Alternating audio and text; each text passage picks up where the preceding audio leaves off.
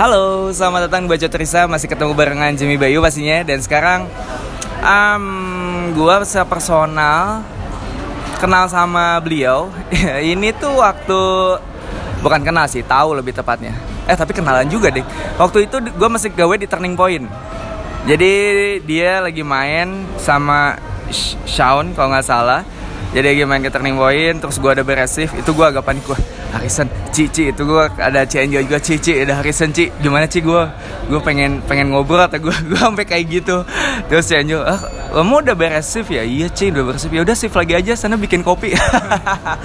Tapi sampai akhirnya ya udahlah uh, karena waktu itu juga gue tahu lu pesennya smoothies ya kalau nggak salah ya? Uh, eh, lupa loh. Atau milkshake ya hari itu kayaknya udah kebanyakan kopi sih yeah. dari, dari dari pagi sih. Jadi kayaknya kita udah keliling banyak banget. Jadi ya udah, udah terakhir itu ke sana ya udah akhirnya kita pesen yang yang agak santai, ya. santai. karena so, iya iya iya iya. So please welcome Harrison Chandra. Halo semuanya. So jadi sekarang kesibukan lo apa nih? Untuk sekarang sekarang untuk sekarang ini um, jadi uh, gue ada kerjain dua kerjaan uh -huh.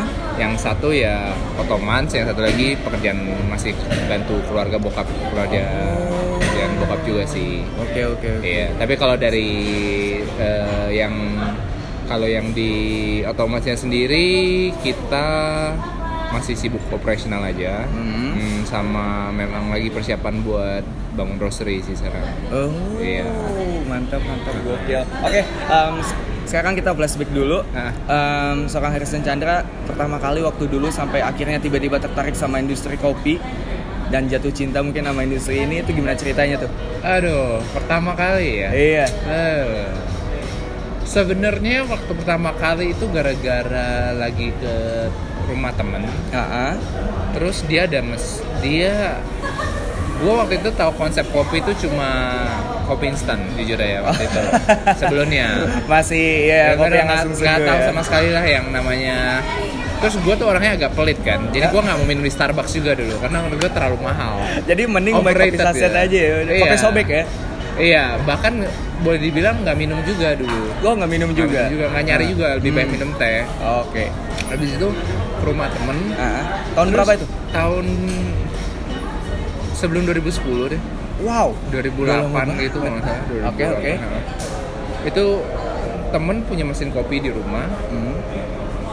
Actually nggak tahu dulu ada mesin kopi. Intinya tiba tiba-tiba dikasih minuman, uh. ada latte art-nya gitu. Oh, Wah, keren okay. banget ya ini. Nah, terus bisa ada ada ada bunganya gitu segala macam kan gitu. iya, iya, keren iya, banget iya, kan? terus gue gue karena dibuatin minum dong hmm. lumayan enak gitu bisa hmm. enjoy hmm. terus uh, terus mulai tuh kayak lihat-lihat oh bikinnya gimana nih caranya apa lihat-lihat lihat semakin lama makin menarik terus jadi sering coffee hopping oh jadi gitu. sering coffee hopping jadi coffee hopping terus mulai ngerasa kok setiap kopi kok beda-beda gitu hmm. rasanya ya um, ya di sana baru menarik akhirnya kayak ya udah deh beli kopi mesin aja deh ah. sekalian gitu. oh gitu yeah.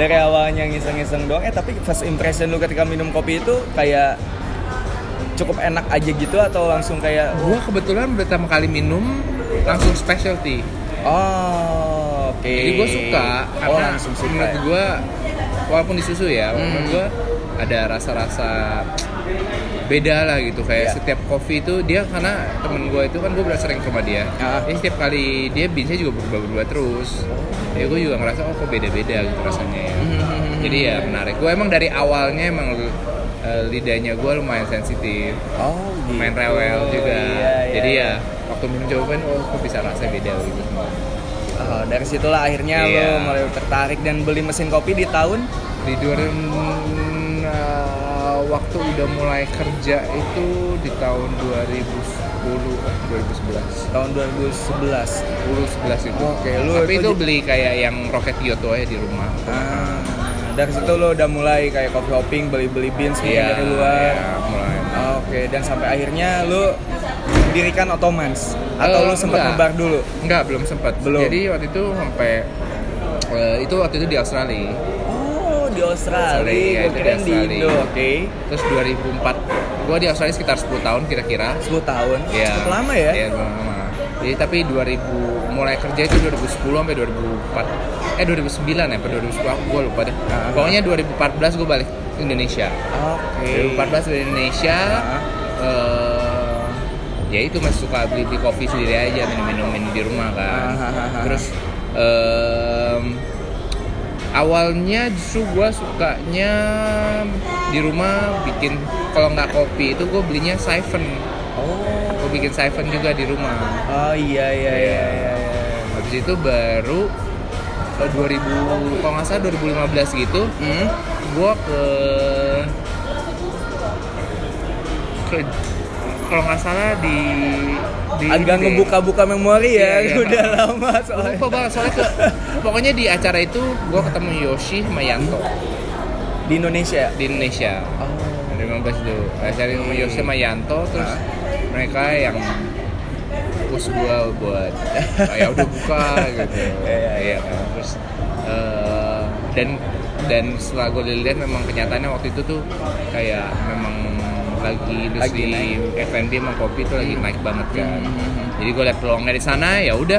Terus itu nggak berapa lama setelah itu gue mulai planning akhir 2016 otomatis jalan 2016 otomatis Iya. jalan. Oke.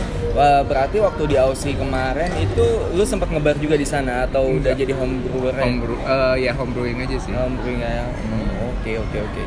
Itu sampai otomatis jalan em, itu kira-kira apa aja yang lu persiapin gitu sebelum si otomatis jalan? Em, lebih banyak sebenarnya nggak nggak tek lebih lebih banyak hal-hal kayak konstruksi sih daripada pelajaran tentang kopinya sih. Soalnya gue gue bener-bener baru belajar kopi itu waktu udah buka. Ah. jadi 16 itu udah buka baru mulai belajar. Sebelumnya nggak sebelumnya ya ya gitu-gitu aja ya kayak yang penting buat aja lihat di YouTube buat dulu mungkin. ya YouTube dan lihat. Tapi sampai sekarang gue emang nggak pernah ikut kelas sedikit pun nggak pernah ikut kelas kopi jadi gue bener-bener kebanyakan sendiri semua sih kayak lihat-lihat ini terus eh, nanya-nanya habis itu eh, cobain sendiri jadi gue suka memang suka orangnya memang Oh, suka oke. coba-cobain sih Nah, eh, ini yang selalu eh, menarik ketika gue ketemu sama orang yang emang udah ngebangun sebuah coffee shop sampai sekarang dan udah gede juga coffee shopnya. Em, tantangan ketika lu awal buka Ottomans itu apa? Tantangannya jadi. Ottomans itu tuh harusnya Yang sebelum buka ya? Iya sebelum buka. Seharusnya itu Ottomans itu eh, konsepnya itu benar-benar ke coffee shop. Coffee shop. Coffee shop. Jadi serve coffee only. Ah. Sam tadinya awalnya Nggak sebelum ada dibuka loh ya. brunch atau Belum ada. Bahkan bahkan sampai dulu ice coffee aja nggak kepikiran gue Oke. untuk buka. Iya iya iya. Jadi benar-benar waktu itu benar-benar kayak gue hardcore coffee kan kayak Ah. maksudnya saat itu kayak simple lah pikirannya kayak idealis kan. Oh, Oke. Habis itu eh, dua bulan gitu sebelum buka apa sebulan eh sebulan lah sebelum udah mulai konstruksi nih sebulan sebelum Ah. gua itu terus ngobrol-ngobrol tukar pikiran sama Iya. Yanto Oke. terus dia suggest kayak susah dia bilang saya kalau mau ini dan ya udah akhirnya gua make decision buat buat bikin kitchen Oh, tapi itu oke. pun masih itu pun masih gue masih idealis jadi gue nggak mau makanan-makanan yang terlalu berminyak nggak mau makanan-makanan yang terlalu berat ada makanan-makanan tapi biar nggak mengganggu rasa kopinya gitu kan Iya iya iya. iya. tapi setelah jal- berjalannya waktu kita mulai ngerti sih kebutuhan Hmm. paling ngerti sih memang paling penting tuh eh, kita harus ngerti kebutuhan dari eh, customer ya Iya betul sih. itu dari dia. dari lingkungan dari Supaya bisnis lu juga tetap jalan karena customer pada Iya, datang bagaimanapun juga kan. kopi memang passionnya kita tapi kan tetap untuk passionnya untuk bisa tetap berjalan kita harus punya supporting tasknya ya, Iya, itu iya. kayak termasuk ya, ya makanan yang terus minum-minuman yang lain juga Hmm, hmm. Iya. terus juga yang paling susah juga atur waktu Atur waktu. ya karena gue harus bantuin bokap Oh, Oke. ya kan jadi waktu itu benar-benar gue masih banyak full time di sana juga Hmm. jadi gue harus um, Monday to Friday Hmm. uh, Senin sampai Jumat itu gue harus uh, kan otomatis buka jam 7 tuh. Hmm. Jadi gua 6.30 udah di sana. Oke. Setiap pagi setiap hari tuh 6.30 di sana. Udah prepare ya? Ya. Terus eh, jam 9 gua cabut. Jam 9 cabut. Cabut ke kantor bokap. Oh. Wow. Sampai jam 5, Ah. jam 5.30 gitu. Hah? Gua cabut lagi, balik lagi ke coffee lagi. Wis. Sampai jam 10 malam, Sampai jam 11 10 malam. 11 Iya, malam. iya, iya, iya. dan awal-awal kan kita belum belum banyak orang kan jadi Hmm. gue harus bantu opening gue harus Hmm. bantu closing gue harus bahkan gue ikut ngepel-ngepel segala macem Iya. jadi itu benar-benar masa-masa termasuk capek banget sih karena gue hampir 2 tahun kayak gitu Ham- hampir 2 tahun lu kayak gitu. iya hampir 2 tahun gitu. hampir iya dan weekend di, di otomasang jadi gue hampir nggak ada kayak break tuh nggak Wow. pernah pergi-pergi semua kehidupan pribadi gue semua nggak ada udah nggak olahraga nggak apa semuanya lepas Berarti kasarnya mungkin dihitungnya ada dari jam 6 pagi lu sampai jam 11 malam. Iya. Berarti berapa jam ya itu? 6 tambah 2 ya. Wow. Iya, Dan dan setiap hari. Dan dan ada beberapa hari gue harus tinggal di luar kota juga. tinggal di luar kota. Iya, ya? karena perusa- eh, bokap gue kan di, eh, di di tambang kan. Ah. Jadi gue harus di tambang itu hidup di sana juga berapa bisa tiga hari kayak gitu di sana baru balik lagi. Wow. Jadi Iya, benar-benar iya, itu benar-benar masa-masa yang capek banget sih. masa-masa yang capek banget. Iya. Tapi itu bisa dibilang udah terbayarkan Eh, di titik ini. lumayan lah Udah lumayan. lah kita Udah. bela- bela- eh, kayak itu menurut gua masa-masa krusial di mana kita ngerti kita punya bisnis ya ngerti apa yang harus di handle. Karena kalau nggak turun langsung kita nggak tahu gimana cara handle masalah macam. Berarti bisa dibilang lu udah menyiapkan diri lu bahwa ya gue udah siap capek nih di awal. oh iya harus. Jadi dia gue dari awal itu udah udah udah siapin semuanya sih dari time managementnya plannya harus Oke, gimana terus komitmennya gue gimana. Wow. terus em, terus ya belum lagi kan ada kompetisi lagi kan Iya betul. Nah itu dia lu gimana caranya untuk ngebagi bahkan tiga bisa dibilang lu running coffee shop, lu preparing buat kompetisi, terus sama satu lagi lu harus bantu bokap. iya iya Dan lu itu ngejalanin tiga hal itu aman-aman aja tuh. Atau am- ada salah satu yang ada. akhirnya lu korbanin. Em, jadi waktu lagi masa kompetisi akhirnya sih em, kerjaan bokap gue minta izin dulu sih Ah. ya gue minta izin dulu karena gue Iya, harus iya, iya. eh, latihan kan tapi itu kan cuma beberapa bulan sih Hmm. Eh, iya cuma eh, ada sempet latihan juga bantuin bokap itu itu udah too much sih itu udah udah udah itu itu capek banget jadi Pasti akhirnya kebagi sih pikiran Iya, lu, ya iya, fisik iya. lu juga pasti kekuras, Iya. ya kan? jadi Wah. akhirnya minta izin sih minta izin akhirnya. minta izin Nah, ini juga yang mau gue tanyain. Biasanya orang-orang yang pengen ngerunning bisnis, terutama kopi mungkin, Ah. mereka tuh kadang ada beberapa orang yang emang gak pede untuk ngerunning sendiri. Nah, lu waktu ngerunning kalau boleh tahu berapa orang? kita berempat Berempat. iya berempat Dan itu udah pembagian per job desk masing-masing. udah udah masing-masing jadi eh, kalau gua kebanyakan eh, kalau ada jadi ada satu yang di bagian eh, operasional Ah, ah. Eh, satu di bagian marketing oke. eh, satu di bagian back office finance Hmm. kalau gua hampir semuanya Oh. ini sekarang ya ini Iya, sekarang iya. tapi kalau waktu awal-awal kita udah udah kita coba beberapa formasi sih jadi kayak Ah. awalnya ini ngerjain apa ngerjain apa akhirnya baru eh, gue lihat-lihat kayaknya kemampuan masing-masing akhirnya gue assign mereka ke ke yang Posisinya posisi masing-masing. masing-masing lah gitu Oh, oke. Iya, jadi iya. jadi eh, biar dan dan memang udah begitu udah di posisi yang tepat Hmm. udah enak tuh jadi masing-masing benar-benar kerjain pekerjaan masing-masing jadi Ah, guanya iya. juga nggak terlalu capek betul. Itu dari awal-awal gue harus ngerjain semuanya. Jadi sekarang, tapi terakhir-terakhir udah mereka udah masing-masing kerja udah udah lebih enak sih. Dan gue seneng banget lihat perkembangan tim gue sendiri ya. Hmm. Kayak oh ada ya karena ya di kita di owner itu ada yang masih umur 23 tahun juga.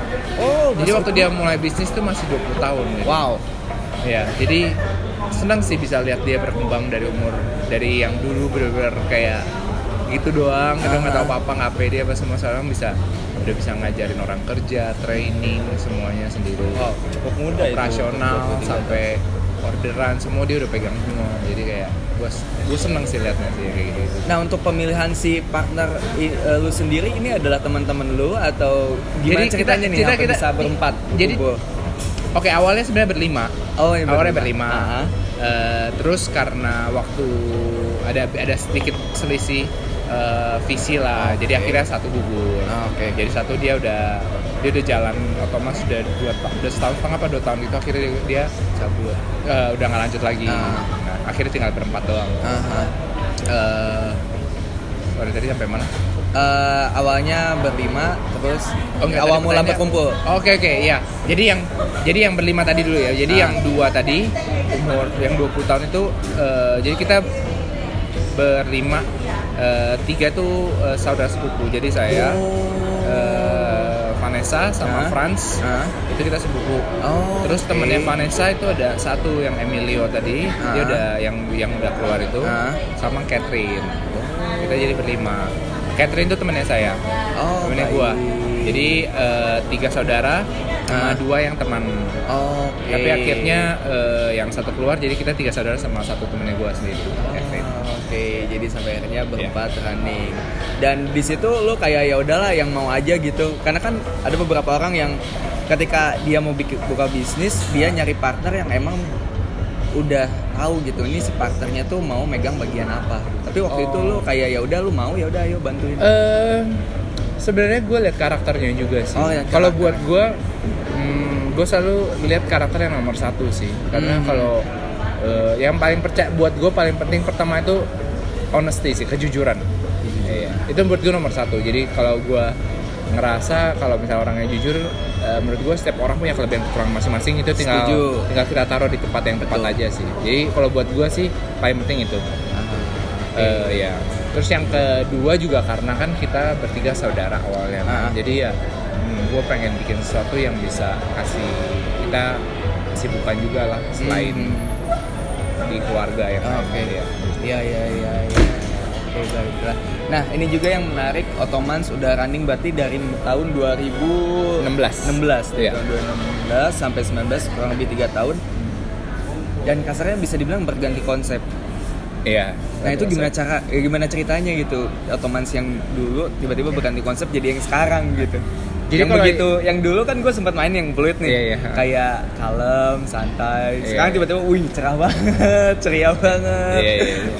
gimana gimana? Uh, jadi Ottomans itu waktu mulai kan konsepnya itu lebih ke rustic, rustic ah. sama uh, clean, mm -hmm. terus lebih maskulin lah, mm -hmm. gitu kan. Uh, ya coffee shop atau cafe seperti biasanya ya, lah. seperti pada umumnya ya. Pada umumnya lah ah, semua orang seperti itulah kan. Ya. Habis itu pas uh, tahun 2000 waktu kita mau buka otomatis yang di Sopodel ini, uh -huh. uh, kita mulai berpikir gitu loh. Hmm. Uh, tren ke depannya apa? Oh, okay. Ya, tren ke depannya apa kan? Terus uh, kalau kalau gue sendiri kan uh, kita itu kan selalu kalau gue sih orangnya main progresif ya jadi gue selalu pengen pengen pengen kita bisa berkembang lah gitu nggak gitu gitu aja kan hmm. uh, jadi gue lihat uh, sepertinya udah udah orang mulai jenuh sih bikin kafe yang bentuknya ya gitu-gitu aja semuanya yeah. kan okay. bukan berarti jelek loh Aha. bukan berarti jelek tapi uh, mungkin betul sentuhan iya, sentuhan baru, baru ya? lah yeah. gitu iya. kan terus yang kedua juga karena buat gua kopi itu kan nggak harus dark nggak hmm. harus apa kopi itu kan banyak rasa oh, dan iya, banyak warna iya betul eh, jadi dari situlah kita pikir oh gimana kalau kita bikin sesuatu yang unik aja berbeda gitu yang belum ada di Jakarta kan hmm. jadi kita mulailah konsep permainan warna yang yang muda-muda seperti ini gitu. hmm. gitu uh, barulah kita rebranding lah semuanya dari dari buku menu apa semua ya walaupun namanya tetap otomatis I see. Um, dan terbukti setelah kita buat ini banyak banget yang yang ngikutin yang lain yeah, gitu loh. Yeah. Setelah itu ternyata emang berarti bisa dibilang lu menciptakan tren baru. Uh, gue nggak bukan bilang tren baru sih. Mungkin lebih tepatnya di saat yang tepat. Mungkin ah. di saat yang tepat aja. Iya iya iya. Di saat yang tepat di mana pas di luar juga mulai Jenuh, ada ya? di luar juga mulai ada beberapa seperti itu.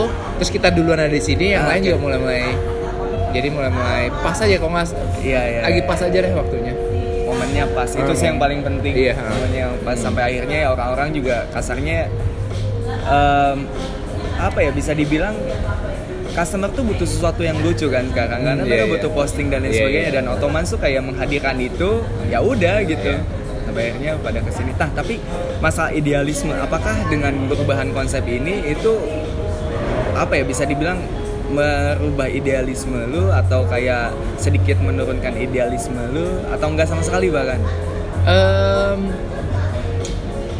pasti tetap ada di kompromis ya setiap perubahan nah. pasti ada di kompromis jadi ya. otomatis itu sekarang gue nggak tahu ya gue ya. gue gue mungkin like to think uh, banyak otomatis sudah dikenal tuh lebih ke cafe daripada nah. coffee shop lagi ya. oke okay. mungkin ya iya iya iya ya, gue nggak tahu sih orang di luar ngomong tapi gue punya firasa seperti itu mungkin nah. aja gue salah nah. uh, makanya uh, dan gue nggak pengen kehilangan soul coffee-nya juga kan oke okay. uh, jadi uh, kita baru mau itulah salah satu alasan kenapa kita mau uh, ada roastery juga oh gitu.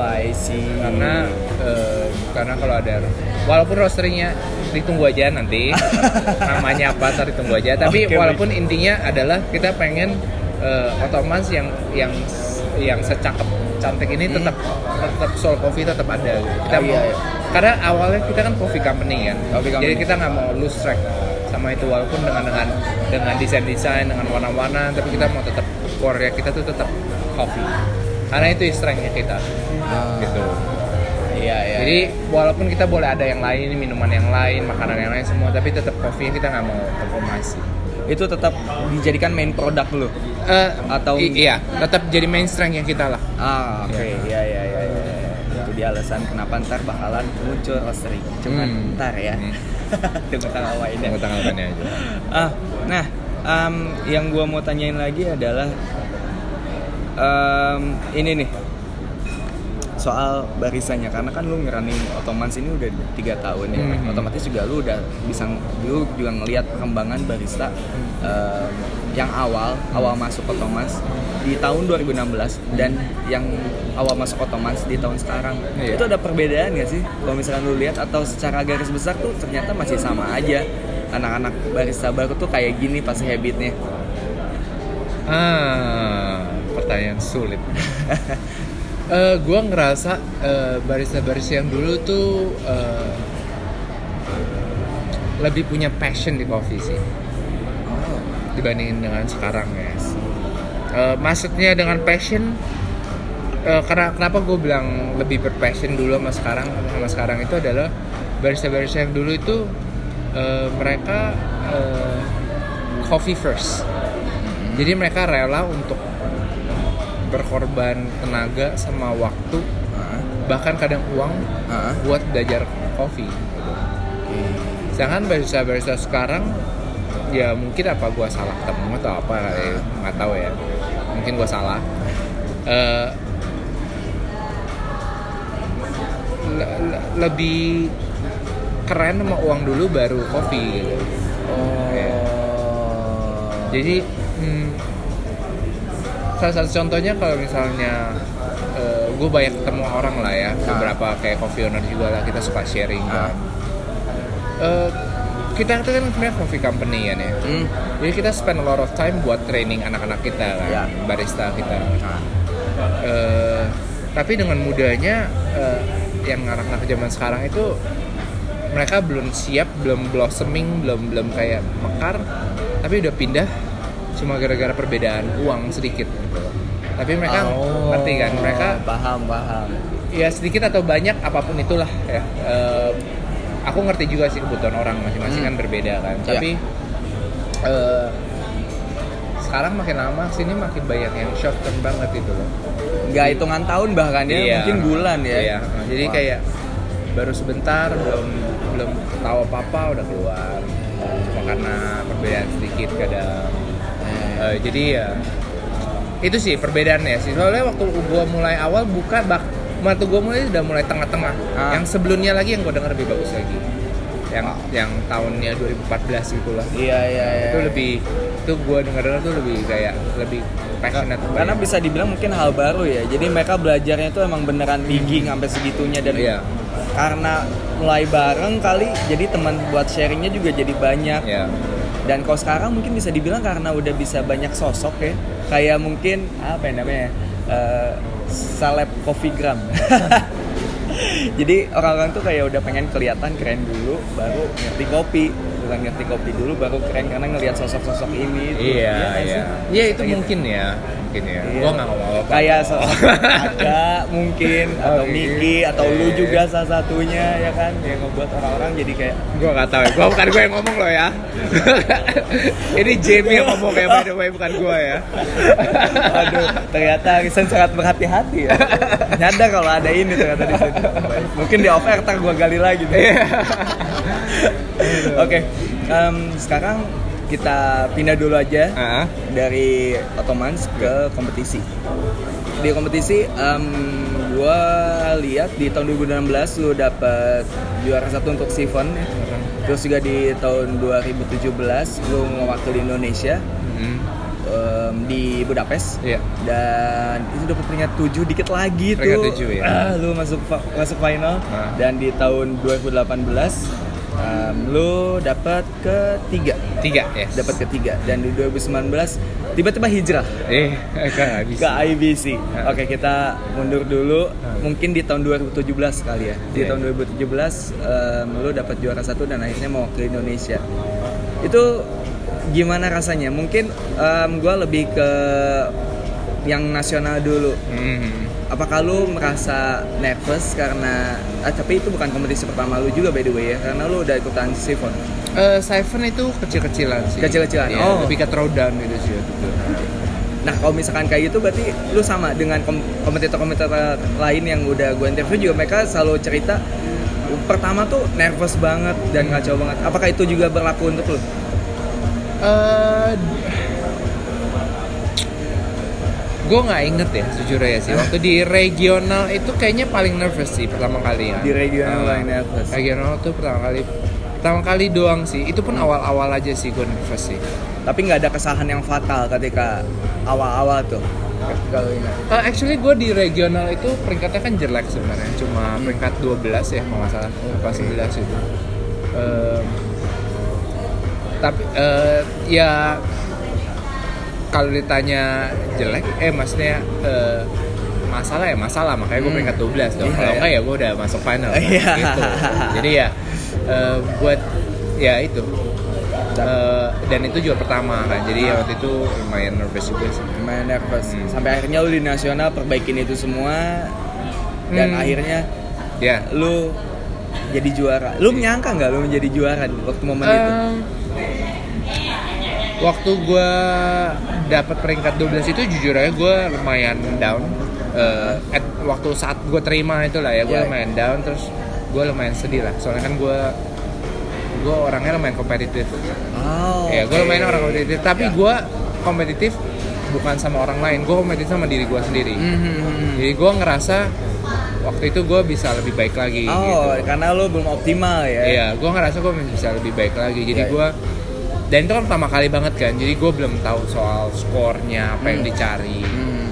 eh, presentasinya harus seperti apa. Oke. Semuanya benar-benar gue buta lah waktu itu. Oke. Walaupun ada dibantu sama Yanto ya, Hmm. Eh, tapi secara personal gue sendiri. eh gue kan bikin presentasinya sendiri semua sendiri kan jadi ya kayak eh, masih banyak yang miss lah Aha. jadi gue sedih sebentar. Oke. tapi jiwa kompetitif gue yang langsung kayak oke Ngepush lu lagi. apa apa yang salah nih? Gue gue breakdown semuanya. Jadi mulai dari kopinya eh, terus mulai dari score sheetnya. Oh gue mulai lihat tuh score sheetnya. Oh apa sih yang dicari? Score sheet masing-masing apa? Terus gue banding sama temen gue yang score sheetnya eh, segini tuh dia dapetnya segini tuh kenapa? Terus eh, lihat eh, presentasinya yang kurang apa. Jadi gue bener-bener gue nanya sama jurinya gue nanya gue ngobrol minta feedback. Oh, Oke. ya jadi eh, jadi gue waktu lagi setelah eh, setelah yang kayak di regional tuh pas pas di persiapan nasional gue bener-bener fokus sih. Oh, Oke. jadi gue gua gue jauh lebih fokus. Terus yang kedua eh, gue agak agak eh, mulai turunin ego sedikit. Hmm. jadi gue mulai dengar pendapatan orang pendapat orang lebih ya, kayak kayak dari dari eh, segi kopinya apa yang dirasain itu dari segi presentasi juga. Uh, terus gue mulai jauh lebih detail lagi. Kayak misalnya uh, gue sampai ingetin uh, nada keberapa gue mulai main. Oke. Okay. Dia kan pakai musik kan. Yeah, yeah, gue yeah. mulai ngomong. Terus kalau lagi nada sampai segini kira-kira gue udah sering yang ini. Ah. Gue terus jadi udah mulai lebih detail lah. Hmm. Uh, terus juga gue uh, hmm, tapi gue nggak ada nggak ada pikiran untuk menang sih jujur ya karena kan gue dulu kan cuma di regional kan cuma di peringkat 12 gitu kan iya, jadi iya. Waktu ke nasional itu gue kayak ya udah hmm. uh, gue nat gue kayak nothing tulus. Gue 12 gitu loh ya apa yang mau kalau misalnya gue nggak menang ya nggak apa-apa kenapa? Normal kan? Iya iya jadi ya gue bener-bener kayak gue coba eh give my best aja. Terus uh, pas uh, pas diumumin masuk ke semifinal gue bilang wah gila semifinal. Oke. Okay. lumayan kan seneng yeah, kan? oh, yeah, yeah. terus uh, di uh, oh ya target gue sebenarnya cuma masuk enam besar Oh target yeah, besar. Yeah. Jadi okay, okay. semifinal udah masuk. Nah, uh, presentasi kali. Iya. Yeah. Wah selesai presentasi itu gue deg-degan banget tuh gue inget karena gue tuh sempet pencet uh, skill lagi, uh? tapi bukan waktu di competition time. Itu waktu lagi di kayak lagi nunggu jurinya gitu. Oh. Jadi gue gue udah nervous banget kan. Yeah, gue yeah, pikir, yeah. wah ini di di di di, di Q nih gue kayaknya nih. atau di poinnya yeah, dipotong yeah, gitu kan. gue nggak tahu deh. Hmm. Pokoknya gue udah, udah selesai itu gue udah ya udahlah whatever lah. Gue udah pergi makan nasi padang selesai udah jalan segala macem. Udah bodo amat udah ya? bodo amat. Terus uh. Uh, terus gue balik lagi cuma buat lihat siapa yang masuk kan. Tetap penasaran tapi ya walaupun bodo amat. iya tapi tapi ya habis itu pas diumumin masuk wah gila. Hari gua masuk gitu kan gila. Gua nggak nyangka deh. Udah pas hari terakhir udah gua nggak nggak hari terakhir gua udah nggak latih sama sekali Oke, karena yeah. secara nggak langsung target lu udah tercapai Dapai, dan ya, ya, ya udah. tulus sudah gue gue santai enjoy aja enjoy the, the final aja ya kayak gue senyum senyum doang kayak it's not, nothing tulus lah.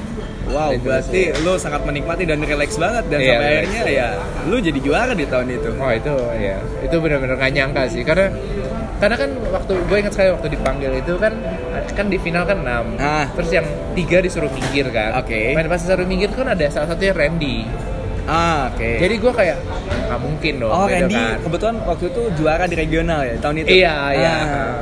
Kan gue bilang nggak mungkin nih Randy ah. kayaknya kan. Iya. Masa dia nggak menang. Jadi waktu ah. ada sisa tiga, sisa gua, Hero sama si uh, Arda Buana kan.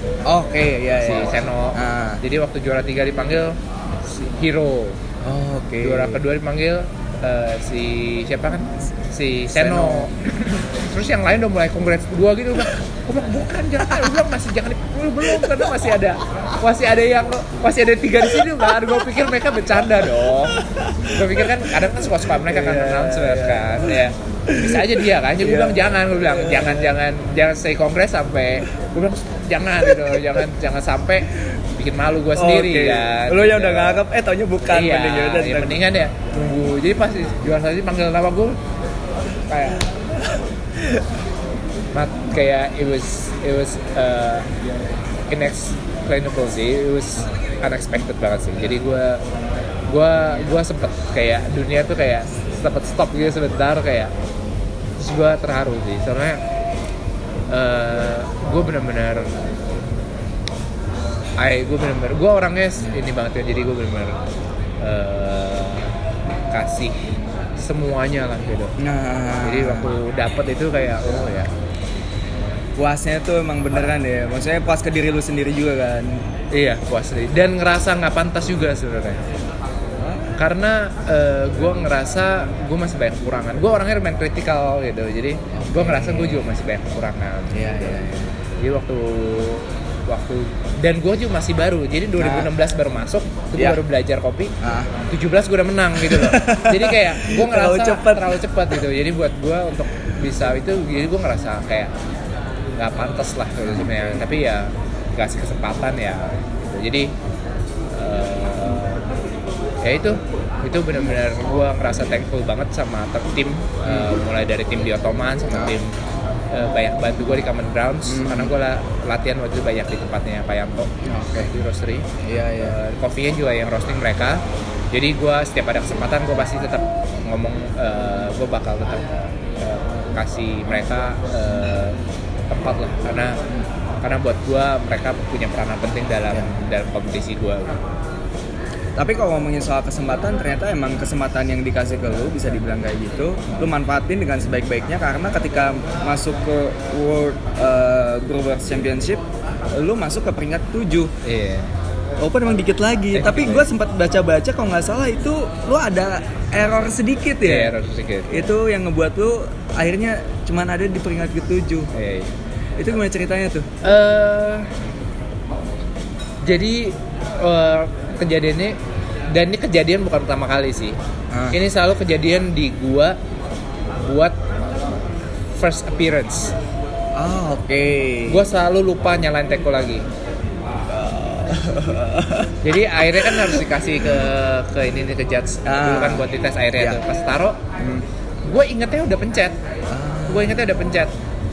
Tapi eh dan gue ingat juga ada bunyinya soalnya. Iya, Cuma iya, emang iya. kettle itu ada dua. Ah. Kettle yang satu, salah satu itu emang emang agak-agak rusak gitu. Oh, oke. Agak-agak rusak. Jadi Ah, eh, tapi kan gue kayak waktu itu fokusnya sebelumnya. Sebenarnya gue udah tahu sebelumnya. Ah, ah. Tapi waktu itu gue fokusnya cuma di kopinya doang kan. Oke. Jadi itu gue anggap remeh sedikit lah. Nah, itulah kesalahan gue. Mhm. Jadi eh, waktu lagi pas lagi competition gue mau ambil karena air gue selalu gue selalu compete cuma pakai satu kettle Oh, begitu. selalu pakai satu kettle tapi penuh kettlenya Ah, ah. jadi buat tiga pakai satu kettle doang Hmm. nah yang satu lagi itu airnya tuh air dari sponsor jadi gue nggak bisa pakai teko satu lagi Ah, oke. nah teko yang ini eh, temperaturnya di 85 harusnya di 95 Wow. jadi waktu gue udah ngomong-ngomong terus gue mau angkat gue lihat temperaturnya jadi sambil gue mikir sambil gue lihat sambil gue harus tetap ngomong dan harus senyum. Ah, man. iya. Jadi itu iya itu sih Ah. itu sih susah sih. Jadi gue kayak Lu nggak boleh nggak boleh kelihatan show, iya, ya iya, kan? show, Nggak ngomong. Ya udah sih ngomong ya udah. Terus panasin sebentar lihat ada waktu gak nggak ada langsung ambil ya udah jadi udah I, udah give udah saat itu udah udah kayak ya udahlah nggak ada nggak ada nggak bisa ngapa-ngapain aja kan jadi ya udah ngerjain aja udah. Jadi to the best of my ability aja saat itu sih. Wow. Itu cuma karena show ya gua. dan TDS-nya tuh jadinya cuma 1,22 harusnya tuh 1,35 atau 1,33 harusnya Wow, drop lumayan jauh iya ya. lumayan jauh. Lumayan jauh. dan dan gua, gua soalnya kan selalu mengukur TDS gua kan. Aha. jadi TDS gua selalu bikin tuh antara 1,3 sampai 1,33 nggak pernah Nggak lebih nggak pernah kurang daripada itu. Eh, j- jadi waktu sampai 1,2 itu ya gue yakin ya karena masalah itu sih Iya iya iya iya, suhu sangat berpengaruh. Hmm. Jelas. Wow, tapi dengan suhu segitu, dengan TDS segitu, lu masih tetap ada di peringkat ketujuh, which is good dong sebenarnya. Iya, amin lah. Itu itu itu a pleasant surprise juga Iya, sih. Gue iya. pikir gue agak jauh sih. Iya. Ternyata deket banget. Dan juri- bedanya cuma 0,15 poin. Wow, dikit banget juga Iya, loh itu. Iya, 0,15 poin. Wow, iya iya. iya. Dan juri juga berarti bisa dibilang nggak ngelihat kepanikan lu ketika ternyata wah, duh. Oh, nggak, kayak mereka nggak tahu deh. nggak tahu ya. Nggak tahu. Gokil, gokil. Gokil, gokil banget. Um, dan di tahun selanjutnya setelah itu lu um, oh ini yang gua mau bahas. Kenapa lu pindah dari IBRC ke IBC? Em, gua tahun 2018 ya. Gua du- gua gua orangnya kan tadi gua udah bilang gua orangnya kompetitif banget kan. Oke. Jadi gua pengen pengen conquer semuanya lah. Oh, baiklah. ya, jadi gua tapi Iya. bukan berarti gua mau ngalahin orang loh, itu Iya, dua hal iya. yang berbeda ya. Tapi gua pengen ngalahin diri sendiri. ngalahin di sendiri gua Hmm. ngerasa gua mau gua nggak gua orangnya eh, nggak mau ka- comfort di satu tempat aja gitu. Jadi gue pengen gue bisa eh, gue bisa carilah diri gue bisa sampai se- sebaik Iya, apa iya, lah iya, gitu. iya. Eh, dan IBC adalah salah satu yang yang belum bisa gue belum nggak tahu sih lo tau gak tahun lalu kan gue cuma bisa di regional Mhm. karena akhirnya gue berhenti harus ada keperluan jadi Bukan keluarga ya, iya ya? keluarga Iya, Ha, iya. jadi cuma Padahal lu masuk, regional. padahal lu Ah, masuk, nasional. Iya, masuk nasional. Jadi eh em, gua gua buat gua kompetisi itu bukan buat ngalahin orang lain sih. buat gue ya. Apalagi kalau di kompetisi kayak kayak di kopi itu ya itu bener-bener ngalahin nervousnya kita. Karena waktu gue ikut di IBC itu gue ngerasa gue balik dari nol lagi. Nggak tahu apa apa jadi gue bener-bener gue harus breakdown lagi apa yang dicari apa ini. Terus bahkan gue nervous banget. Apalagi waktu puring kok puring milk. Kelihatan banget sih kalau bisa di Iya. situ ya. Nah, jadi itu buat gue itu paling lemah buat gue Oke. tapi bukan tapi bu paling lemah buat gue bukan berarti gue bisa eh, gue Menyerah dengan itu. menyerah jadi Iya, gue ngerasa gue ya harus push diri gue sendiri buat itu jadi gue benar-benar abisin paling paling banyak waktu ya buat steaming sama puring itu itu kelemahan Karena di situ titik lemah lu ya. titik Iya, lemah gua. iya. jadi gue benar-benar eh, spend my time buat Ah. buat ngerjain itu Tapi gimana penampilan pertama lu di IBC? Apakah diri lu sendiri puas dengan penampilan lu waktu pertama kali di Bandung kemarin? Eh jujur aja gue cuma latihan dua minggu total Wow, dua ya karena kan minggu. gue harus ke harus ke luar negeri juga harus ke Taiwan iya, juga iya, jadi iya, total iya. tuh latihan cuma dua minggu kira-kira ya jadi gue nggak puas sih nggak puas eh, dari segi kopi dari segi penampilan gue tuh sebenarnya benar-benar kayak setengah-setengah doang lah semuanya Oke, karena emang dua minggu ya. Iya. Dihitung cepet banget itu. Iya, jadi itu bahkan nyobain espresso udah nggak gue cobain espresso cuma di cuma semalam sebelumnya sama di hari itu doang Wow. Iya iya iya iya iya. Dan di tahun ini eh tahun depan ya. Ah. Dan di tahun depan lu mau turun lagi untuk IBC Eh, merencanakan. masih belum tahu Masih belum tahu. masih belum tahu antara IBC atau IBRC cuma kalau oke eh, atau dua-duanya Ya, Wah, baik. Mantap. Iya, Masih- iya. masih belum tahu sih. Masih belum tahu ya. tapi ya baik ada ada beberapa yang bilang ikut IBRC aja Aha. Eh, kalau gue sendiri gue ngerasa bisnis gue belum selesai unfinished business di IBC Di IBC. Iya. Oke. jadi ya hmm, kita lihat deh gimana ntar Iya, iya. tergantung iya. angin membawa gimana Yo, iya betul. Gimana alur aja ya. Iya. Kalau ada kesempatan langsung ngajar, eh tahu-taunya tiga-tiganya sama ICTC sekalian. Oh, Iya. karena lu pernah ya? pernah Dua ICTC gue peringkat tahun 18 itu gue peringkat 10 besar kalau nggak Ya? salah 10 besar. ya masuk 10 Wow. ICTC Tahun 2018 aja lu ngambil dua tuh, IBRC sama ICTC. Iya, ICTC tapi Iya. ya oke lah latihannya latihannya juga nggak terlalu banyak sih Karena sekalian gak sih? Ya, lu IBRC ya udah sekalian. Enggak, beda. Beda ya? Beda. Beda ya? Beda. Cara cara kerjanya beda. Cara kerjanya beda. banget. Bukan soalnya dia bukan cari yang terbaik, bukan cari rasa, tapi cari yang beda. Ah, iya iya iya iya. Jadi itu terus kan kalau latihan ICTC itu kan harus kayak diet segala macem kan. Lah kan gua enggak. Ya gua hajar aja sih. agak susah ya. Hmm. Agak susah makan yang plain plain. Iya, soalnya kan gitu. kalau latihan IBRC itu kalau cuma makan diet gitu doang wah bisa pusing kayaknya. Iya iya. Jadi iya, gua iya. makan normal aja sih. ditambah tekanan mental kompetisi ya Iya, kan karena iya. lu IBRC juga Iya. aduh harus Terus butuh kan- asupan yang enak gitu Iya. Terus kan waktu itu tahun 2018 itu gua banyak ngelakuin hal yang baru kan.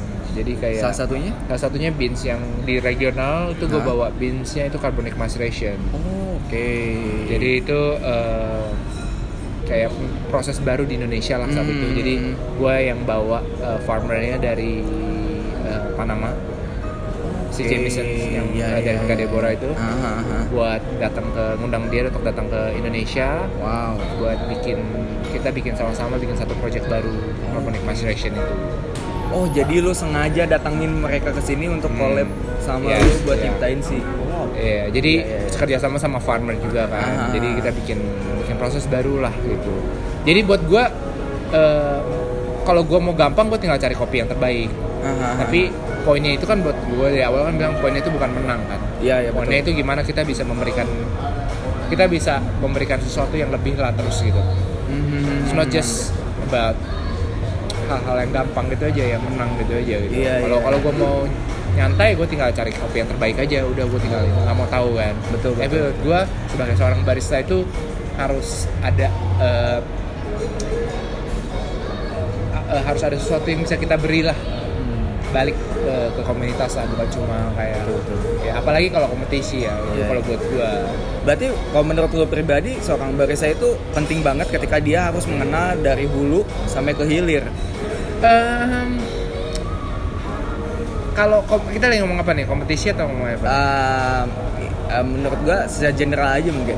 kalau sejajaran perlu pasti Sejajaran perlu perlu. karena kalau lu nggak kenal lu eh, kalau kayak gue kan ya gue gue biasa kalibrasi manual gitu gue cukup sekali dua kali gue udah dapet Nah, karena gue langsung tahu oh daerah ini daerah ini daerah ini daerah ini itu kira-kira karakternya gimana Oke. jadi gue langsung grand size-nya udah langsung gue sesuaiin tergantung dari daerahnya ah, terus gue lihat juga terus juga lihat temperat eh lihat rose-nya juga pas Iya, gue iya. lihat visual gue tahu oh ya kira-kira begini Ah, dari terus prosesnya apa Ah, ah, jadi itu penting karena eh, kita tahu kan dari da- daerah asal karakter masing-masing gimana. Tapi kalau soal proses detailnya gimana, Hmm. mungkin itu udah udah masuk ke hal yang lebih dalam lagi ya. Hmm. Jadi kayak kalau kalau kalau gue kan karena udah beberapa kali terlibat, jadi gue udah tahu oh eh, early harvest itu pengaruhnya apa, late harvest itu pengaruh, pengaruhnya apa, terus cara pengeringannya itu seperti apa, alurnya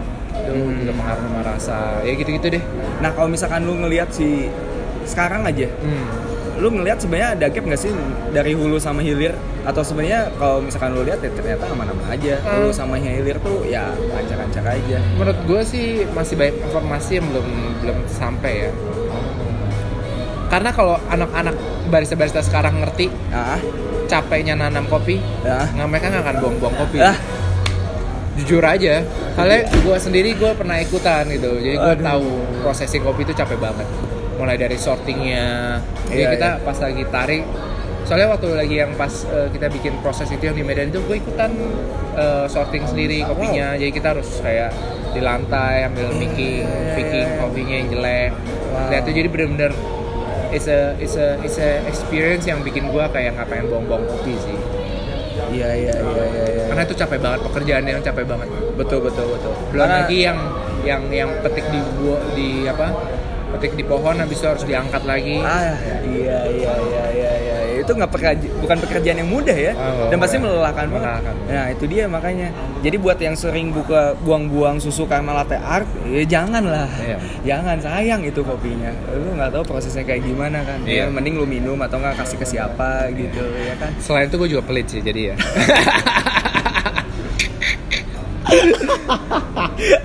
Oke, jujur ya. Iya. Eh, Nggak cuan ya, Iya. sih sayang gitu dibuang-buang. Nah, ngomongin em, soal barista kita agak throwback lagi. Waktu Hmm. dulu lu masih ngebar, oh. ini selalu ini fenomena yang selalu gua tanya. Lu pernah ketemu sama pendekar nggak? wah pendekar ya Ada ada momen di mana eh, ketemu sama pendekar itu tuh nggak akan lu lupa ada nggak? pendekar tuh gue soalnya dulu Jujur. jujur gue Oke. gua dulu Oke, pendekar oke, coba, jadi gue ngerti ceritain. sih Ceritain gimana, ya iya kan gue pergi-pergi ke tempat lain Oke. terus coba-cobain ngomong ini lah ya ngom- ngomong besar lah which normal normal Betul, gitu loh betul, Ya, orang betul. baru semakin kata orang kan semakin ba- kita banyak tahu semakin kita ngerasa nggak tahu Iya betul, setuju. jadi itu yang gue ngerasain sih Hmm. jadi eh gue jujur aja gue nggak pernah sekarang karena gue tahu posisinya orang Nah, gue nggak pernah tersinggung sih Oh, sama oke. mereka-mereka itu sih karena gue ngerti dari gue coba mengerti dari pandangan mereka Hmm. karena eh, mereka kan nggak nggak nggak nggak nggak tahu ya Hmm.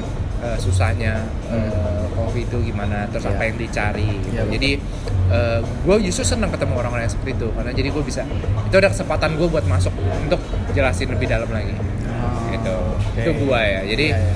I'm fine sih kalau misalnya orang nggak nggak suka kopi gue juga gue nggak apa-apa gue nggak tersinggung sih Oke. Jadi nggak nggak akan langsung baper langsung update di sosial media Oh, gitu. nggak pernah. Nggak pernah. nggak pernah gue nggak pernah karena buat gue lagian kopi itu lu mau bilang kopi terbaik apa pun eh, at the end of the day kopi itu subjektif Ah iya betul. Ya. Setuju sih itu. Ya, jadi ya ada orang yang lebih suka kopi O Hmm. atau yang lebih suka robusta Hmm. ya itu, itu karena rasa itu kan sebenarnya pengaruh banget sama eh, yang pertama eh, lingkungan Ya. yang kedua historinya Ya. jadi banyak memori di dalam jadi waktu mereka minum itu kan ingetin memori kayak oh waktu dulu gue lagi dulu di Kasta gini minum kopi taruh ini gitu kan gitu. Iya, itu iya, kan semua iya. tentang memori gitu Iya setuju, setuju. ya jadi buat setuju. gue nggak ada yang perlu di ini sih di make big lagi pula itu ketika emang berbeda pendapat di situ bisa jadi diskusi bareng ya kan? Iya. Di situ Ah. dia bisa ngobrol, tahu banyak. Iya. Eh jadi loyal customer ujungnya. Iya. Dari situ. Ah. Tapi ada cerita menarik nggak ketika lu menjadi seorang pendekar dulu? Datengin ah, common ground nih. Enggak, enggak, enggak itu enggak berani itu. Gak berani. Enggak, kamu kan kopinya enak terus loh. Iya kak? Oke iya iya. Gue akuin itu. Iya. Iya. Gue gak berani juga. Eh, Disabet kita pendekaran CG. Enggak sih, kalau mungkin pendekar jadi lihat dulu tuh trofinya tuh. Baru udah lebih banyak baru ngomong. Aduh, aduh, aduh, aduh, aduh. Aduh. Ah, Iya. Tapi kalau misalkan lu ngelihat customer nih, customer, ada perbedaan nggak customer di Pluit dan juga di dua outlet yang baru di Citos dan juga di Sopodel ini? Em, Apalagi dengan pergantian, bisa dibilang pergantian konsep ya? Iya iya. Se- eh, Sebenarnya secara general enggak sih ya. Secara general orang tetap lebih cari kopi-kopi yang dark roast Oke. buat di di milk sama buat di, di, eh, es latte Iya, gitu, iya, ice iya, drinks lah gitu. Rata-rata seperti itu ya. Jadi Ada seperti itu. Eh, tapi gua ngerasa orang-orang utara yang dulu di Pluit itu mereka lebih mau bayar buat kopi-kopi mahal. Jadi kayak misalnya itu karena emang mereka ngerti apa dengan karena penasaran? gue juga bingung sih ya nggak tahu mereka ngerti atau enggak mereka bilang kadang orang utara itu kalau ke- kelihatan yang paling mahal mereka mau beli aja eh ini bilang mahal oke coba deh Lucuan berarti di sana ya? nggak juga Oh, nggak juga. cuma juga. mereka kalau yang kayak kopi-kopi yang yang yang kayak geisha geisha gitu Iya. di di utara lebih cepat habis lebih cepat habis tapi kalau secara konsumsi banyak lebih orang selatan tuh lebih kebutuhan Ah, dibanding sama utara ya. utara Hmm. Jadi kalau utara itu lebih ke bukan lifestyle mereka tapi mereka eh, lebih ke coba-coba lah sifatnya. Kalau orang selatan itu lebih udah kebutuhan. Jadi mereka minum kopi itu udah kayak setiap hari gitu kan. Walaupun jumlahnya belum seperti kayak di, di Australia gitu, tapi Hmm. itu udah jadi kebutuhan mereka kalau di sini. Jadi trafiknya agak lumayan Hmm. dia beda jauh lah ya sama di Iya. utara sana. Nah, tapi berarti um, ya emang berbeda sih di Pluit kayak gitu. Di sini tuh orang-orang ngelihat menu tuh dari kanan dulu. Iya iya. Lihat ya yang murah espresso. Pas Iya. udah datang dicobain ya nggak habis kasih gulai kayak Iya. gitu-gitu. Berarti bat- bisa dibilang kalau misalkan di sini edukasinya masih kurang nggak sih kalau menurut lu Eh, untuk customer sendiri? Ehm, again ya, mungkin karena eh, lifestyle coffee itu udah di selatan tuh udah lama. Hmm. Jadi eh, mereka udah kebiasaan dengan hal-hal yang seperti itu kan. Hmm. Jadi mereka datang. Kalau utara itu kan baru. Iya. Jadi dan begitu orang kita buka coffee shop di utara waktu itu mereka minumnya ya yang udah langsung yang ringan-ringan, specialty gitu nggak nggak seberat yang itu. Jadi Oke. eh, jadi eh, cuma cuma masalah waktu sama Masalah waktu, demografi aja sih menurut Iya gua betul ya. betul setuju. Nah tapi kalau ngomongin soal teman lagi, kira-kira eh, big picture-nya ntar lu bakal pengen ngebuat otoman kayak gimana ke depannya? Big goals-nya mungkin ke depannya. Setelah sekarang udah ada dua outlet. Eh, kita ada rencana mau eh, mau buka beberapa lagi. Wow nice. Eh, tapi eh, belum tentu atas nama Ottoman, belum tentu. Jadi kemungkinan by Ottomans Group, tapi mungkin kita nama-namanya beda-beda aja. Jadi dengan konsep-konsep yang berbeda, tapi tetap ada kopinya dalam Ah. pasti. Jadi yang selalu nyambungin dari setiap itu ntar pasti ada kopinya. Tetap itu Hmm. identitinya ya. Jadi ya kayak misalnya kita mau bikin, misalnya aja nih kita mau bikin makanan Indonesia Hmm. atau apa gitu, tapi tetap ada kopinya. Oke. Atau misalnya makanan Jepang atau apalah gitu. Tapi Jadi tetap- secara jelas Ottoman sekarang berhenti di dua outlet ini aja Iya, ya. iya. Bakal ada ekspansi lebih Ada. mungkin ke kota lain. Mungkin kota lain ya, salah satunya Bali mungkin. Bali. Wow, nice. Ya. Di tahun ini kah? Eh, enggak, enggak, enggak. Enggak. Kita tahun ini roastery dulu sih. Roastery dua Ya. tahun ini. Tahun ini. Nah, eh, untuk yang terakhir mungkin di sesi yang pertama, gue pengen minta tips mungkin dari lo untuk barista-barista baru yang pengen ikut kompetisi, Iya. itu yang paling penting. Apa yang harus mereka persiapin? Karena ya banyak banget mungkin ketika lo juga sempat interview beberapa barista, tujuan mereka menjadi barista adalah salah satunya kompetisi. Iya. Nah itu dia. Mungkin kadang-kadang mereka bingung apa yang harus dilakuin pertama ketika mereka pengen terjun ke kompetisi. Buat gue paling penting yang pertama itu adalah mentalitasnya dulu sih Oke. mentalnya dulu jadi eh, kita harus punya mental itu eh, sebagai pemenang ya winning mentality sih buat gue ya itu paling penting Ah. karena eh, kalau lu nggak punya mental itu lu akan cepat puas sama diri lu sendiri Hmm. salah satu contohnya misalnya waktu gue menang di Indonesia Hmm. gue nggak pernah ngerasa diri gue hebat Oke. jadi gue tahu untuk gue bisa compete di, di dunia gue harus lebih baik lagi dari yang ini. Oke. Ya ya. ya. jadi caranya gimana? Banyak hal. Gue waktu lagi latihan eh, lati- waktu latihan gue itu diperpanjang. Jadi gue seminggu itu bisa enam hari latihan. Benar-benar enam hari latihan 10 jam sehari. Selama dua selama dua bulan. Wow. selama dua bulan itu gue benar-benar latihan terus latihan terus latihan terus kayak nggak pernah puas gue nggak pernah puas sama diri gue jadi gue kayak latihan latihan latihan sampai sampai orang yang dengerin gue pun mau udah bosen. Ya, jadi ya, kadang ya. gue pengen ngomong sendiri ya udah. Gue nggak peduli sih gue pokoknya jalan terus ngomong terus eh, cobain kopi eksperimen sendiri. Jadi gue benar-benar cobain eh, roastingan profile beda-beda airnya beda-beda terus cobain teknik yang beda-beda sampai di mana gue punya satu sampai pokoknya latihan sampai sampai gue punya jadi buat gue ya gue latihan sampai kompetisi gue jadi kayak latihan waktu gue waktu latihan gue Oke. jadi karena gue waktu lagi kompetisi gue udah udah ngelakuin kebiasaan kayaknya udah Iya, udah kayak iya, udah kayak gue gue ini aja gitu kayak latihan aja Iya iya iya. iya. ya jadi eh, menurut gue sih paling penting tuh winning mentality ya jadi lu harus kayak eh, kayak harus punya jiwa yang kayak nggak pernah puas gitu. Harus terus pengen pengen progress terus terus eh, kayak gue selain latihan itu gue juga akhirnya kerjasama sama Tetsu Kasuya pemenang tahun sebelumnya. Iya, oke. tahun 2016 Ah. karena gue butuh orang yang pernah di world stage Iya. buat kasih gue masukan. Iya, iya, itu salah satunya itu. Jadi eh, ya kita harus ya kita harus give everything aja kita harus kayak benar-benar kalau kita punya winning mentality sih kita bakal give everything sih kita bakal mati-matian terus sih Betul betul. jadi eh, buat gue paling penting itu Mhm. Eh, kalau soal teknikal segala macem itu akan datang sendiri kalau kita punya kemauan itu sendiri ntar kita pasti lah ini sendiri sih latihan sendiri sih betul betul betul. buat gue itu ya itu paling pertama dan paling penting Hmm. terus juga komitmen komitmen.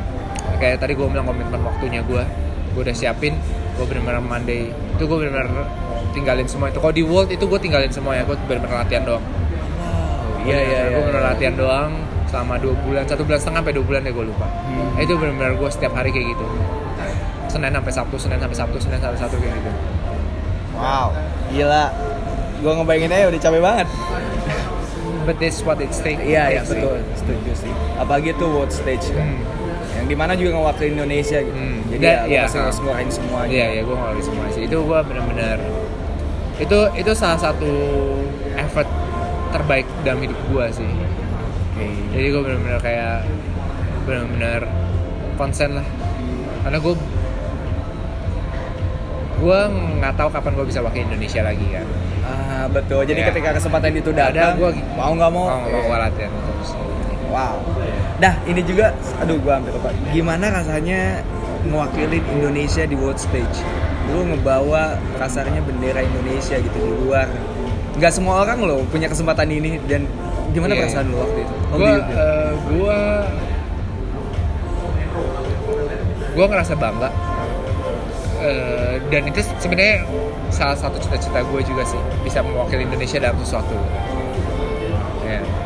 Ya, Jadi eh, gua buat gua kalau dari ini gua ya nggak tahu terserah yang barista yang lain gimana ya. Kalau buat gua kalau udah namanya masuk wakil Indonesia uh, gue udah nggak ada nggak ada lagi tuh boundary uh, sesama kompetitor atau apa gitu loh Iya, iya, iya. kalau buat gue ya jadi kalau buat pemenang-pemenang yang setelahnya itu yang dari gue yang kayak Hero sama Fari Ah.